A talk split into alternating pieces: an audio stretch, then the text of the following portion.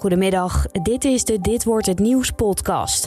Elke middag ben je in ongeveer vijf minuten weer bij met het belangrijkste nieuws. Met vanmiddag de nieuwe weekcijfers van het RIVM zien er goed uit, de daling zet door. De formatiegesprekken gingen vandaag weer verder en natuurlijk de eerste halve finale van het Songfestival. Mijn naam is Iris Schut, het is vandaag dinsdag 18 mei en dit is de Nu.nl Dit wordt het nieuws middagpodcast. We beginnen met de weekcijfers van het RIVM, want er zijn de afgelopen week veel minder nieuwe coronabesmettingen gemeld. Het aantal positief geteste mensen is met een kwart gedaald.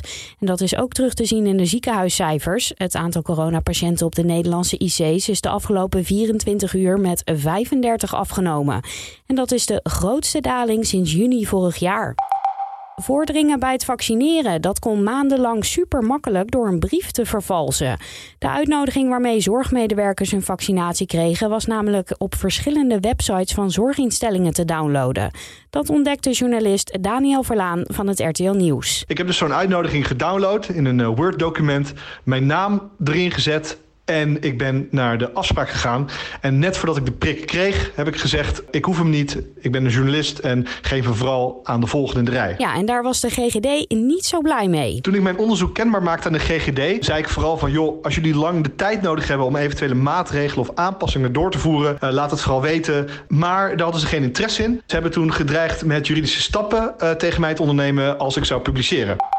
En over vaccineren gesproken, waarschijnlijk hoef je deze zomer maar één prik te hebben gehad om een coronapaspoort te krijgen en op vakantie te mogen binnen de Europese Unie. Het kan wel zo zijn dat een land van je vraagt om alsnog een coronatest te doen of in quarantaine te gaan als je nog maar één prik hebt gehad. Er zijn zeker 47.000 mensen in de Gazastrook op de vlucht geslagen door het geweld in Israël.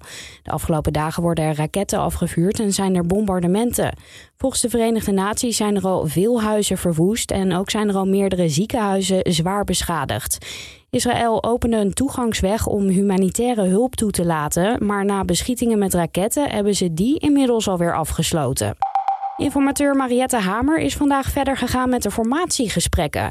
Gisteren sprak ze met de fractievoorzitters van de kleine partijen en vandaag mochten de partijleiders van de grote partijen langskomen, zoals CDA-leider Wopke Hoekstra.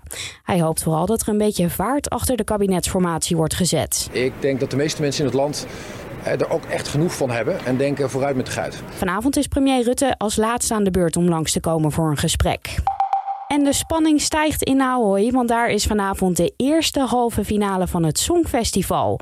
Onze verslaggever vertelt er meer over. Opvallend vanavond is natuurlijk de inzending van Australië, want Montaigne kon zelf niet naar Nederland komen. En dus is er gebruik gemaakt van die backup video's die eerder al aangekondigd zijn voor als mensen vanwege corona niet hierheen konden komen. Het belooft een groot spektakel te worden. Daarnaast zien we bijvoorbeeld Noord-Macedonië veranderen in een ware discobal. En er is heel erg veel vuurwerk bij onder andere Azerbeidzjan en Malta. Vanavond is de avond met veel kanshebbers zoals Malta, Cyprus en Oekraïne. Er mogen tien landen door naar de finale en die is zaterdag. De tweede halve finale is donderdag. En dan nog het weer van Weerplaza. Af en toe nog een bui. In het westen schijnt de zon volop. Het is een graad of 15. Vannacht koelt het dan uiteindelijk af naar een graad of 7. Morgen weer kans op felle buien, maar af en toe ook ruimte voor de zon. En dan wordt het 14 graden. En om af te sluiten nog even dit. De Duitse curryworst is minder populair geworden door corona. Bijna 30 jaar lang was het de meest gegeten maaltijd in de Duitse bedrijfskantines, maar die tijd is voorbij. Door de crisis zijn veel kantines tijdelijk gesloten en is het eetgedrag ook veranderd. Op nummer 1 staat nu de klassieke spaghetti bolognese.